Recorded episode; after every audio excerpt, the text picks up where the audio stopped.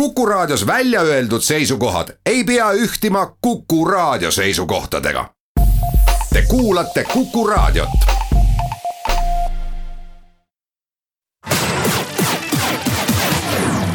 nädala Tegija. nädala Tegija alustab ja selle nädala tegijaks võib jul-, jul-, julgesti kutsuda meie uut väliskaubanduse ja infotehnoloogia ministrit, kes eile andis ametivande riigikogus ja sellest hetkest asus ka tööle ja tere, Kaimar Karu. tere päevast ma ei tea, et äh, peab vist äh, ministriks saamise lugu otsast alustama, et, et enne kui üldse poliitika ja tööasjade juurde läheme, et, et äh, võib-olla natuke räägiks sellest, et kus te koolis olete käinud ja, ja kust esimese hariduse saanud ja siis juba edasi. Et nii kaugelt päris ei alusta, et sündisin sel ja sel aastal seal ja seal ja. no võite ka seda öelda et, et jah, kahe, kaheksakümmend ja Tartu, et vastan selle küsimuse ka ära põhikoolis äh, käisin ähm, või noh, mingil hetkel vanemad kolisid Tartust äh, Põlvamaale. ja põhikoolis käisin ma Vastse kuustes, üheksa klassi. tol hetkel veel, kui esimene klass oli jõudnud nullklassi ja kõik, kõik sellega seonduv. Ja gümnaasium oli ähm, Tartus Tamme gümnaasiumis, mis on, oli väga hea kool ja ma usun, et jätkuvalt on väga hea kool. seal ma tegin ka õpetaja tööpraktikat ühel hetkel ja pärast, ähm, pärast Tammet. seal tegelikult oli mul, oli mul mitu, mitu mõtet, et mida ma võiks õppima minna. Äh, üks neist oli ka ajakirjandus, mille raames ma siis äh, eelnevalt äh, tegin kaastööd nii Eesti Raadio Tartu stuudiole kui, kui Tartu Postimehele. aga lõpuks valik langes siis ikkagi filosoofia kasuks, mis oli üllatuseks ka mulle endale, kui, kui, kui lõpuks see otsus tehtud sai.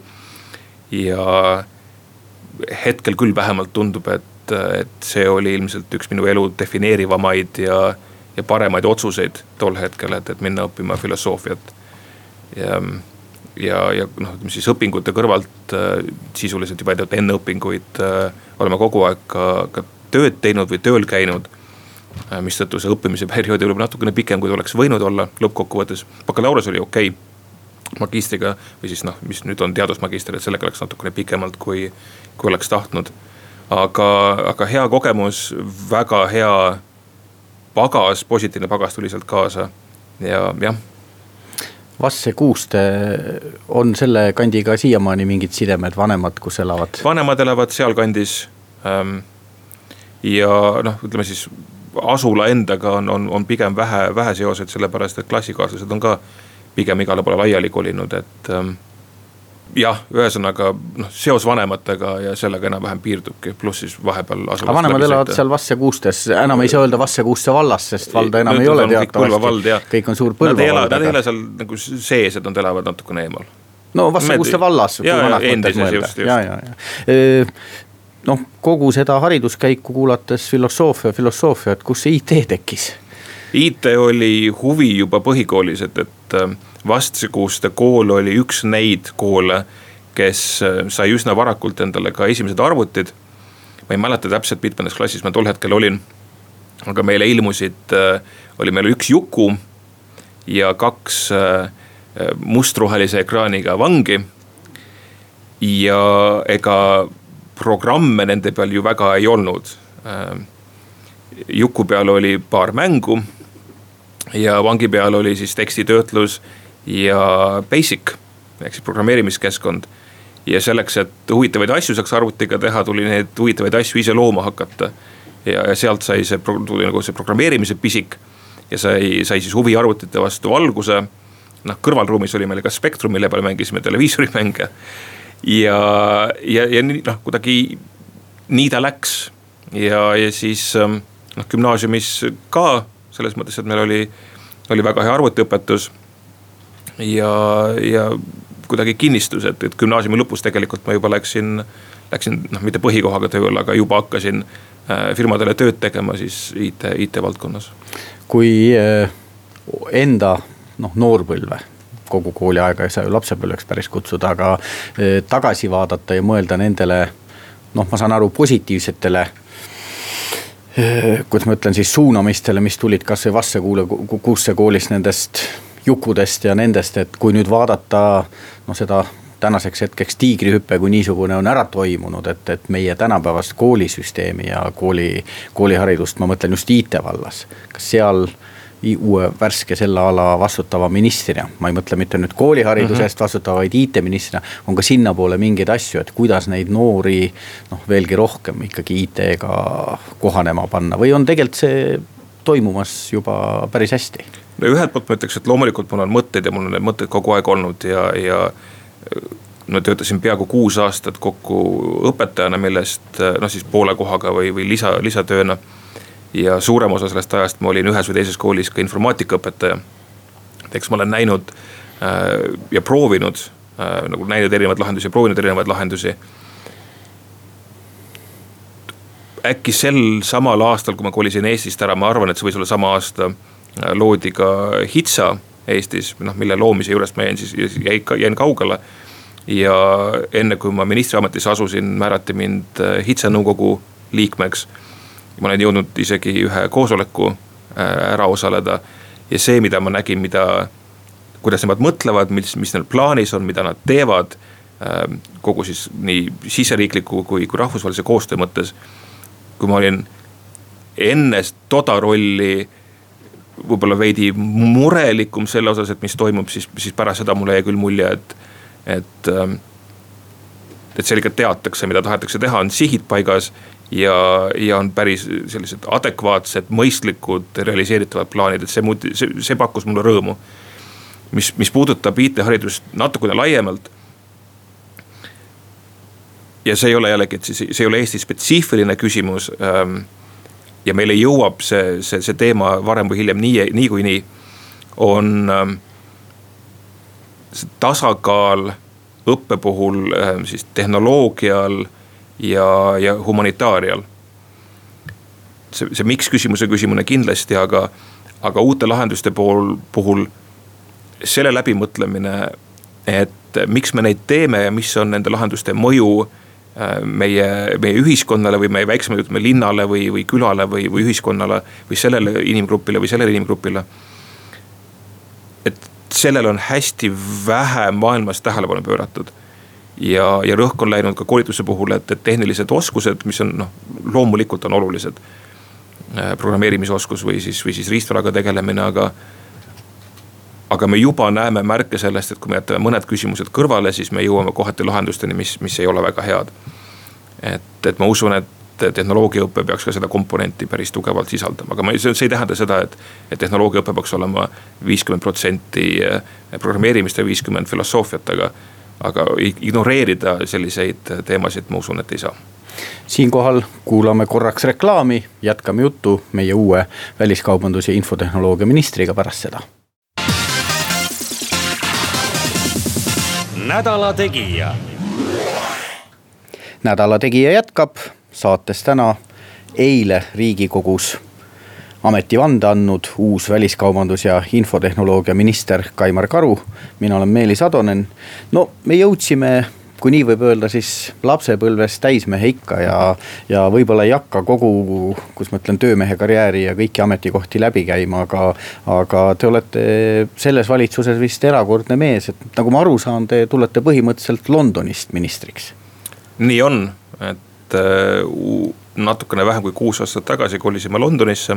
Olles saanud kutse siis äh, sinna, sinna tööle asuda. mis, mis tol hetkel klappis väga hästi minu mõtetega, et võib-olla võiks mõnda aega Eestist eemal elada. ja võib-olla võiks selleks kohaks olla London. või noh, ütleme siis tol hetkel Inglismaa laiemalt, aga, aga, aga noh, London on ju tore linn. ja, ja seal ma siis olen olnud nüüd jah. mis mis laadne töö või, või mis laadne äri see oli, mida te Londonis tegite? Et kui ma sinna kolisin alguses, siis see roll, kuhu mind võeti, oli, oli ühe sellise vastloodud ühisettevõtte tooteportfelli või to, ühe tooteportfelli ühe osa juhtimine. et ähm, Briti valitsus äh, tolleks hetkeks siis noh, ligi kolmkümmend aastat oli omanud äh, tooteportfelli, millesse kuulusid siis raamatud ja, ja sertifikaadid ja eksamid ja selline noh, professionaalne areng või professionaalne koolitus. et koolitusi nad ise ei teinud, nende, nende materjalide põhjal siis tehakse koolitusi ja antakse sertifikaate välja. ja see oli olnud riigi omanduses pikalt. ja kasvanud üle nagu hästi suureks ja üle terve maailma. ja see oli ühtlasi ka see, see teema, millega ma päris palju olin Eestis tegelenud, need konkreetsed siis parimate praktikate kogud. ja, ja läksin siis sinna ühte, ühte neist toodetest juhtima, ehk siis välja, noh ütleme selle ettevõtte eesmärk oli välja mõelda, kuidas oleks võimalik eraettevõtlus ja riigi, riigiameti koostöös seda tooteportfelli siis kasvatada ja muuta kasumlikumaks. et ta, see oli äriks muutunud aja jooksul ilma selle eesmärgita, et see üldse kunagi äriks muutuks. eks, aga oli kasvanud juba päris, päris suureks äriks. Ja küsimus oli see, et mida me saame sellega rohkem teha, et, et algselt ma võtsin siis enda kanda äh, ühe valdkonna ja hiljem siis äh, noh, peaaegu, peaaegu terve äh, tooteportfelli, et seal oli üks, üks osa tooteportfellist, mis toimis eraldi üksusena? no ütleme nii, et Inglismaal ettevõtluses töötada ja ühel hetkel helistab keegi, ütleb, et kuule, tule Eestis on ministrit vaja, noh, ma nüüd niimoodi huumoriga natukene kirjeldasin seda, seda käiku, aga kuidas, kuidas no ma ei tea, hästi lihtsalt öeldes, kuidas ministriks saadakse, et, et kuidas see teieni kutse ma saan aru, noh võõrastelt inimestelt piltlikult öeldes ikkagi jõuab. ma võib-olla isegi alustaks sellele vastamist äh, selle eelmise teema jätkuga, et üks e-, noh lisaks sellele, et võiks küll ju Londonis elada, kui pakutakse huvitavat tööd ja, ja head palka. lisaks sellele, mis mind paelus tolle konkreetse rolli juures oli väljakutse, mis sellega kaasnes. et need, see tooteportfell paljude jaoks tundus äh, vananenud või, või aegunud. hästi palju oli tekkinud alternatiive aastate jooksul. ja paljude jaoks tundus, et võib-olla see on, on täiesti surnud. ja see väljakutse seal oli mõelda välja, kuidas oleks võimalik seda tooteportfelli taaselustada, ehk siis millis, kuidas peab seda edasi arendama, kellega peab koostööd tegema, kuidas peab seda müüma rahvusvaheliselt. et see oleks jätkuvalt jätkusuutlik, et, et Briti valitsus muuhulgas äh, teeniks, äh, teeniks raha. ja see oli see üks, üks, üks komponent, mis siis mind paelus selle juures, ma kannan selle üle äh, ministri rollile kui ütleme nüüd, et mul on mulje jäänud, et selle, kuidas ma ütlen, ehitades kõigele sellele, mis on varasemate aastate jooksul Eestis tehnoloogiasektoris tehtud, nii avalikus kui erasektoris. sellel on võimalik tohutult palju huvitavaid uusi asju ehitada. ja samas signaale tuleb erinevat, erinevatelt külgedelt, et või erinevatelt poolt, et et see platvorm, mille peale see kõik ehitatud on, vajab rohkem hoolt, kui ta on aja jooksul saanud. Ja siis ma tahan kindlasti taaskord ära öelda, et, et kui ma seda ütlen või, või seda arvamust väljendan, et see ei tähenda seda, et ma süüdistaks kedagi milleski, et, et lihtsalt rõhk on olnud rohkem arendusel ja vähem hooldusel. ja nüüd me oleme jõudnud olukorda, kus, kus sellega peab, lihtsalt peab tegelema aga kuidas me jõudsime. ja mulle, ja mulle tundus ja mulle, kui, kui ütleme niimoodi, et, et rolli mõttes mulle tundus, et, et selles rollis ilmselt saab, ehk siis kui ma näen probleemi mulle tundub, et ma näen ka lahendust ja need kaks asja kokku viia oleks, oleks päris vahva. kui nüüd minna selle konkreetse, konkreetsete sammude juurde, et kuidas üks, üks, üks meesterahvas, kes elab Londonis. et kuidas tema jõuab Londonist Eestisse ministriks, siis äh, alguse sai see kõik ühiste tuttavate kaudu suvel. mitte siis ministri rolli, vaid tutvustamine äh, EKRE juhtidele äh, sellesama HITSA kontekstis. Äh, saime kokku, rääkisime, tundus, et sel teemal on klapp ja, ja hiljem määrati mind siis rahandusministeeriumi esindajaks HITSA nõukogus. ja ma eeldan, et tänu sellele lihtsalt oli, oli minu nimi ja nägu siis ka, ka laual sel hetkel, kui, kui tekkis vajadus leida uus inimene sellesse rolli. me saime kokku sel teemal esimest korda tol laupäeval, kus, kus oli EKRE üldkogu vist Tartus. et ma olin ise tol hetkel just Tartus, et, et valmistumaks HITSA koosolekuteks. saime kokku, rääkisime tehti, tehti ettepanek ja me siis läksime lahku tol hetkel selle teadmisega, et, et mõlemad on valmis teemaga edasi liikuma, et mõlemale tundus, et, et siit võiks asja saada. no väga loogiline jada, et, et, et äh, panustasite ühte asja pidi ja sedapidi jäite kellelegi meelde ja sealt kutsuti, aga äh, kui keeruline on see nüüd teie isiku seisukohast, et noh, ma toon jälle selle näite, et kui inimene on kutseline poliitik, valitakse riigikokku, öeldakse, et hakkad ministriks, noh kabinetti peab vahetama, peab Toompealt ka võib-olla. ma ei tea, peaminister Stenbocki, mõni, mõni teine minister kuskile teise majja kolima, aga iseenesest noh, see elumuutus väga suur ei ole. noh, Eestis ei ole väga palju olnud ettevõtjaid, kes on otse ettevõtja rollist poliitikasse tulnud tagantjärgi peab ka ütlema, et eh, paljudel puhkudel ei ole neil hästi läinud, et see ei ole nüüd kuidagi vihje või, või, või mingi iroonia teie suhtes, aga. aga iseenesest, et noh, te ju ise ka kaalusite plusse ja miinuseid ja, või olid need juba enne seda ettepaneku tegemist läbi kaalutud, et. et kuus aastat olen Londonis olnud, et, et võiks midagi noh, täitsa uut proovida. valmisolek, valmisolek ja soov Eesti kontekstis midagi ära teha oli juba e-, enne enne seda esimest suvist kohtumist, mis, mis ei olnud üldse ministriametiga seotud e. eks e, ongi taga, tagasivaatavalt tundub jada loogiline, et me nagu ju muudame selle ka loogiliseks, nii kuidas me seda lugu, lugu räägime, et oleks võinud kõik asjad hoopis teistmoodi minna noh, plokkskeemid on alati, on pluss ja miinus, eks ju, siin läksid plussi kaudu ja nüüd me oleme siin no, aga, aga iseenesest teinekord on, noh jada ei ole loogiline. et tegelikult neid variante, kuidas asjad oleks võinud minna, on palju rohkem kui see, et kas, kas ja või ei mingis Täpselt. kohas, et, et need on, need on lõpmatul hulgal asjade kokkulangemine, et, et, et see, et see mõte, et võiks midagi huvitavat teha Eestiga seoses mingil tasemel, mis öö, mulle tundub, et seal saab midagi ära teha ja ilmselt see andis mulle siis selle, selle võimekuse või, või selle suuna, et kui, kui lõpuks ettepanek tuli, siis ma olin mingid asjad enda jaoks juba peas läbi mõelnud.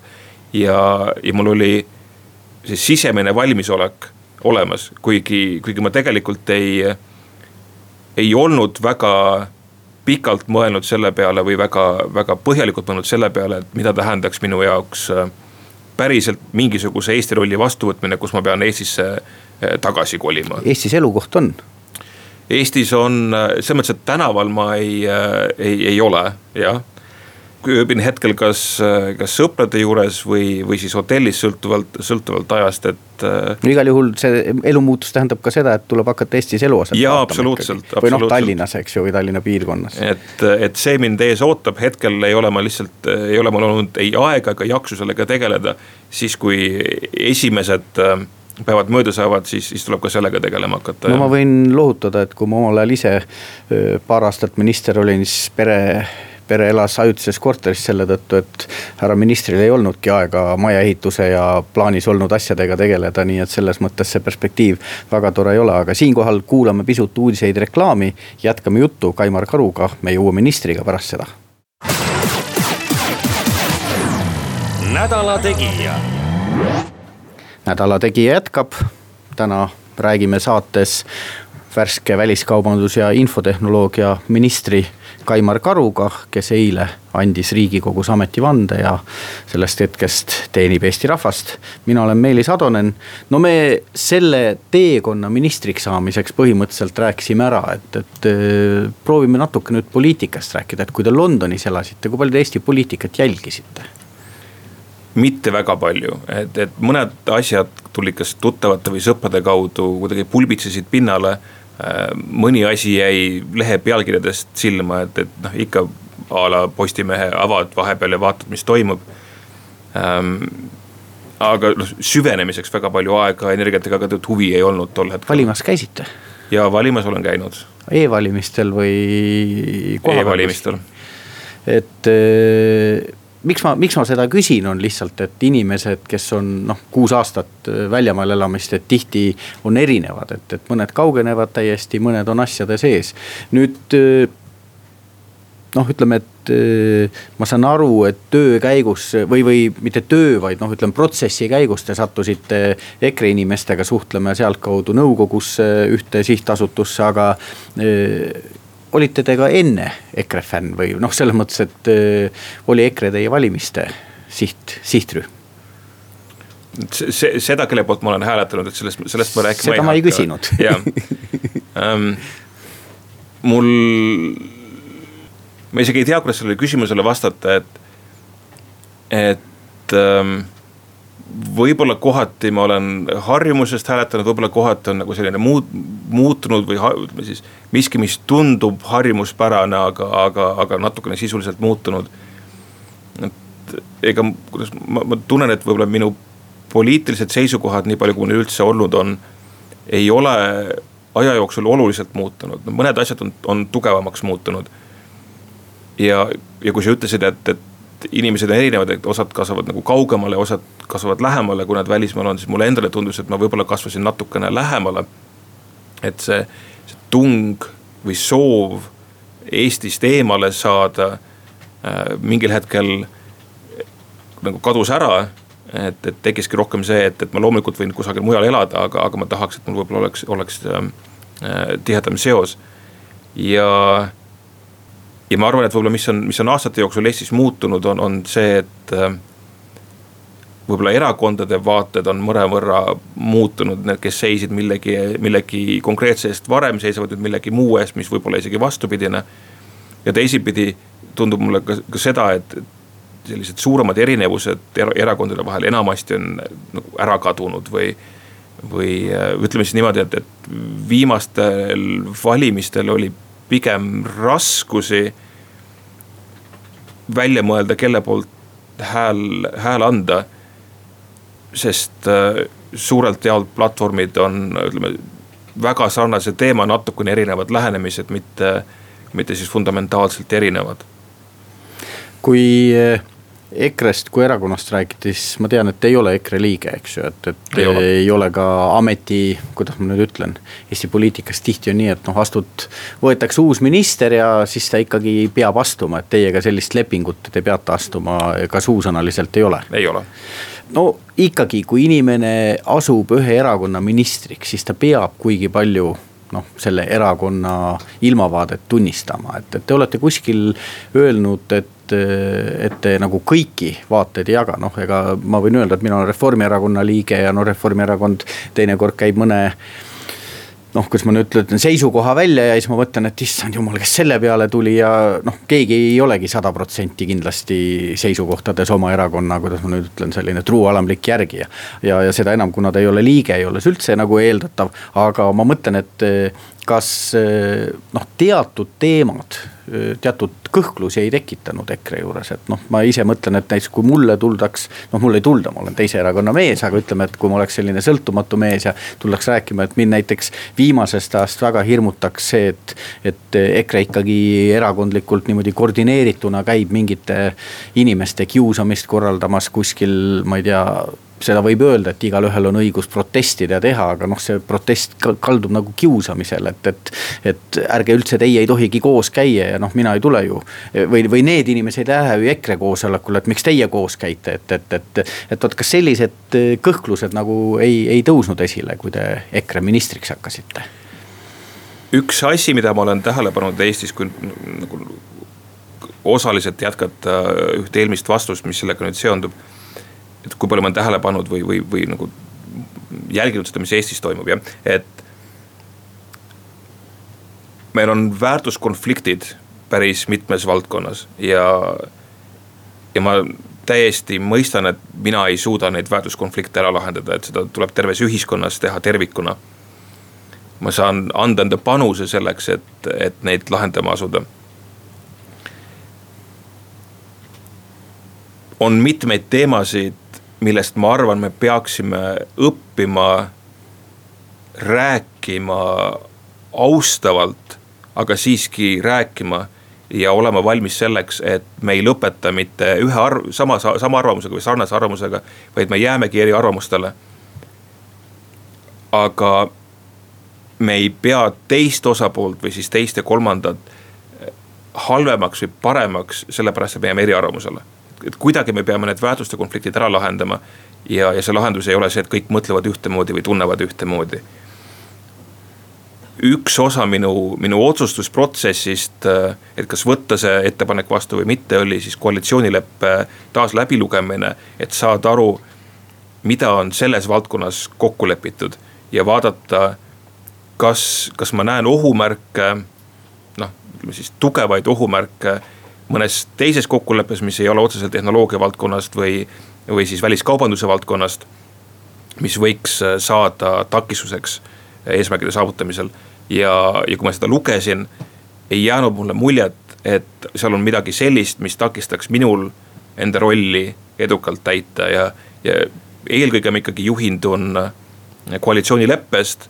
Äh, ja, ja selles kontekstis jah, ei, ei ole minu jaoks äh, probleemi, et seal on otse loomulikult on seal küsitavaid kohti, mis tuleb mul jooksvalt läbi rääkida, et saada paremini aru, mis sellega mõeldud on. aga midagi sellist, mis, mis jah, nendes kahes valdkonnas niimoodi silma torkaks, et kui, kui me oleme selles kokku leppinud, siis ju tegelikult ei saa midagi ära teha, et, et selliseid asju küll ei olnud jah. no koalitsioonileppes seda teemat otseselt ei ole, aga EKRE kui erakond on suhteliselt kriitiline olnud Euroopa Liidu suhtes. noh, te olete heas mõttes rahvusvaheline mees, et ise väljamaal elanud aastaid ja noh, näinud võib-olla kuidas ma nüüd ütlen, London on ilmselt üks linn, kus näeb globaliseerumist erinevate nurkadelt, nii positiivseid asju kui ka negatiivseid asju, aga. kuidas teie enda isiklik seisukoht on, et, et kas Eesti-sugusel riigil, no Euroopa Liit on ka protsessis osa globaliseerumisest, kui ma nii võin öelda. et on see pigem vältimatu või on nii, et peaks Eesti seda väga kartma?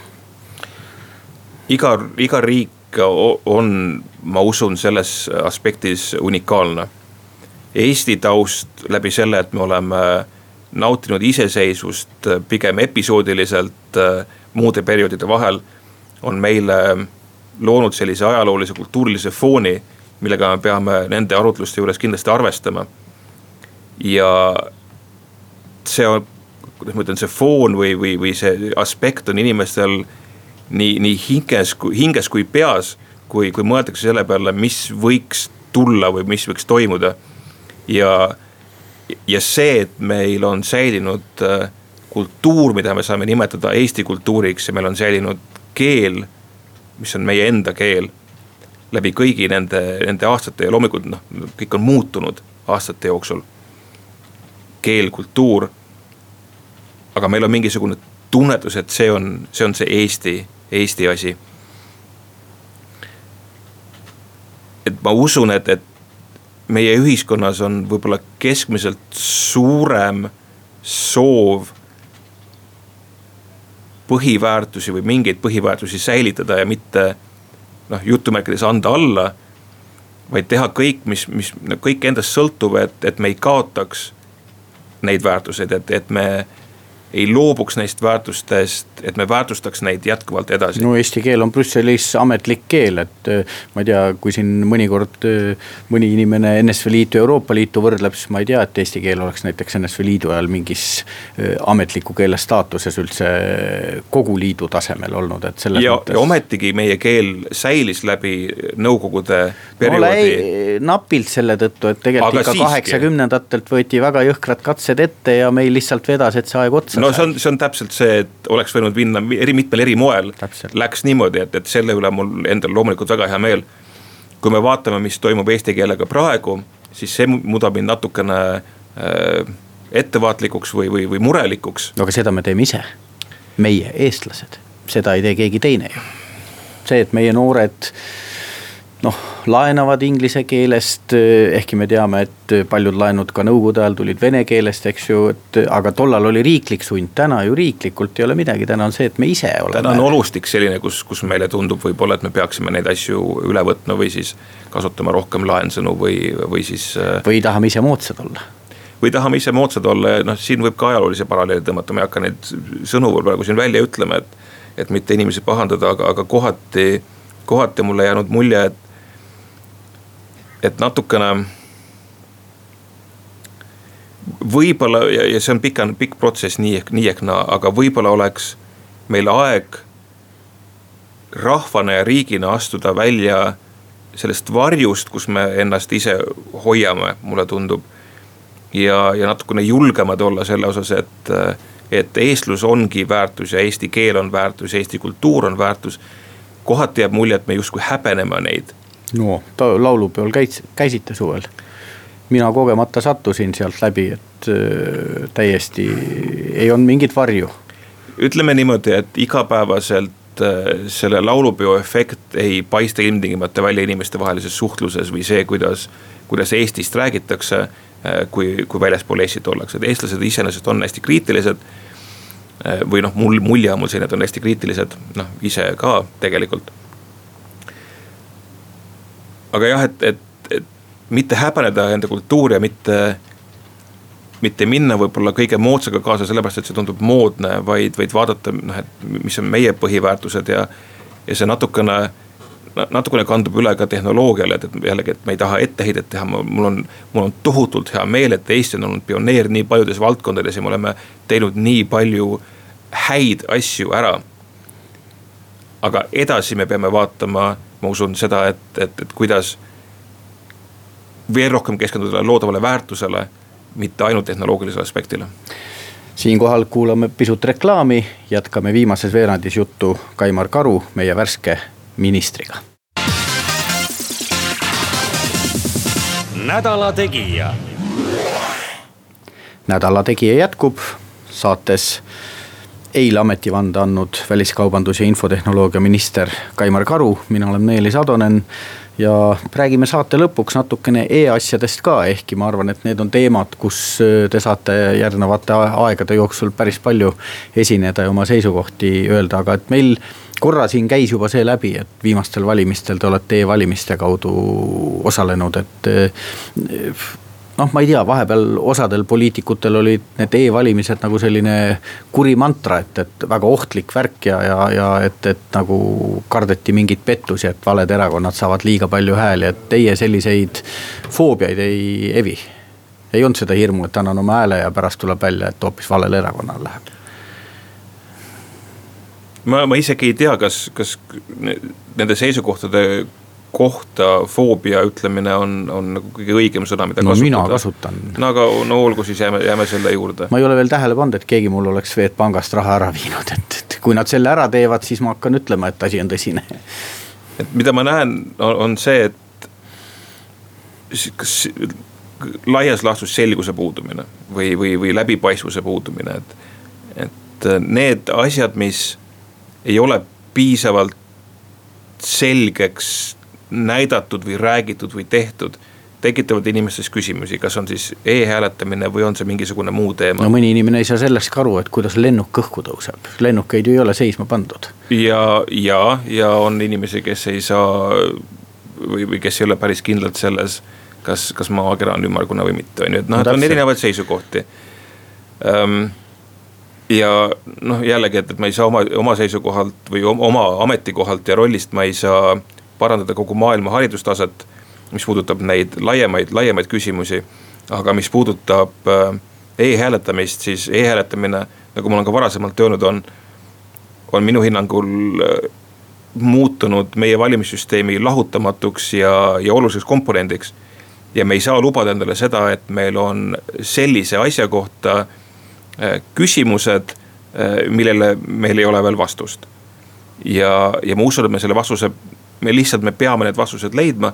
ja, ja, ja täpselt, et see ei tähenda, see ei tähenda seda, et äh, iga inimene on võimalik läbi lugema äh, siis ütleme kahe, kahepoolse trükiga paberilehe ja teab täpselt, kuidas see süsteem toimib. et läbipaistvus ei tähenda seda, et sa tead täpselt, kuidas kõik käib, aga läbipaistvust ma usun, et annab oluliselt parandada ja seda me peame tegema. no infotehnoloogia, et Eesti on noh, ma ei tea ma reisin päris palju ja kui ma ikkagi vaatan, millisel tasemel teenuseid mulle mujal pakutakse, siis midagi ei ole öelda, et. Eesti on vaatamata sellele, et vahepeal jääb mulje, et me siin liiga palju naudime oma edu, aga tegelikult ikkagi noh, meil on ka edu. et, et kui võtta väga paljud riigid, kus mingit bürokraatlikku asjaajamist on teha, siis ikkagi see ID-kaardiga, ma ei tea, kasvõi riiklike teenuste äratellimine või juhilubade vahetus või sellised asjad, noh mingis riigis muutuvad ju täielikult õudusunenäoks, aga milles see võti on, et, et me nüüd suudaksime järgnevad, ma ei tea, kolm aastat või kuus aastat kui kaua te minister olla saate, et me suudame nende teenuste arendamisel ja kodanikule pakkumisel olla sama efektiivsed, nagu me olime näiteks noh, noh, ma ei tea. eel, esimesel kümnendil sellel sajandil. ma tooks siia võib-olla ühe paralleeli, mis, mis on ka üsna noh, ei saa öelda, et e-, Eesti unik-, Eestile ainuomane, aga, aga ka seond-, seondub Eestiga paljude inimeste jaoks on jäätee. Ja, ja hetkel mulle tundub, et, et võib-olla me oleme sellel jää, nagu siis tehnoloogia jääteel sõites sattunud natukene õhukesele jääle. ja see jäätee, mille ees on meil pikk, pikk, pikk, me peame sealt õhukeselt jäält minema saama, enne, enne kui halvasti läheb. ja mulle tundub, et noh, et hetkel on see olukord käes pikk tee on selja taga, veel pikem tee on ees. ja siin on natukene, natukene raske seda, seda väljendada ilma, et, et, et võib-olla kellelgi jääks mulje, et, et ma kritiseerin seda, mis on varem tehtud. et, et see, see ei ole see, mida ma teen. ma lihtsalt näen, et, et mõned suunad, mis on võib-olla ideeliselt olnud töös mõnda aega, mis on just, just ütleme siis eemale peamiselt arendusfookusest ja rohkem sellele, et siis me vaataksime seda terviktootepilti, mitte ainult projekti vaatest. noh, see riigi, riigikontrolli raport, mis hiljuti tuli välja ja nii edasi. et, et valmidus on olemas, soov on olnud pikemat aega olemas. Erinevatel põhjustel ei ole sellega jõutud nii kaugele, kui võiks. ja ma usun, et hetkeseisukorras, kui, kui me suudame selle ära lahendada. siis me ilmselt oleme sealt õhukeselt jäält jälle ära ja saame edasi, edasi kimada lõppu on mul kaks lühikese vastuse küsimust. viimasel ajal on jube jama, ma pean teid ka hoiatama.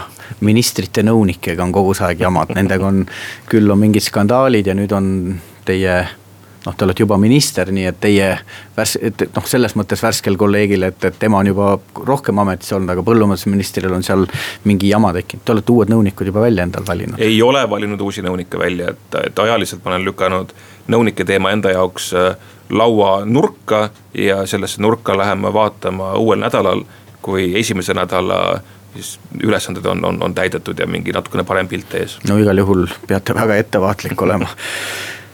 lõppu pisut isiklik küsimus. no ma arvan, et IT-valdkonnas ei olnud teil ka meelakkumine elu, aga no ministri elu on ikka pingeid täis kuidas te neid pingeid maandate, mis te vabal ajal teete, kuidas, mis, mis tekitab olukorra, et saan täiesti end lõdvaks lasta ja, ja hästi tunda? no nüüd ajaloolises kontekstis, minu isikliku ajaloolise kontekstis, et võib-olla vaba aeg on selline kohati tundmatu mõiste olnud, et, et mingil hetkel ka Londonis elades oleks võinud vabalt enda postiaadressiks võtta Heathrow lennujaama postiaadressi, sest enamus ajast tundus, et veedan seal ähm, noh, lihtsad vastused on see, et hea on sõpradega aeg, koos aega veeta ähm,. erinevad hobid, ma püüan hästi palju lugeda. eks vaatab, kuidas, kuidas selleks aega nüüd jääb. ja ilukirjandust ja siis, siis nagu teatmeteosed ja nii edasi, et, et ähm, hetkeseisuga ma olen kindel, et mul tuleb kõvasti tööd teha selle nimel, et leida efektiivsed meetodid äh, siis puhka, väljapuhkamiseks, et olla ka töös efektiivne. aitäh, Kaimar Karu jõudu teile ministrina ja edu. aitäh. nädala Tegija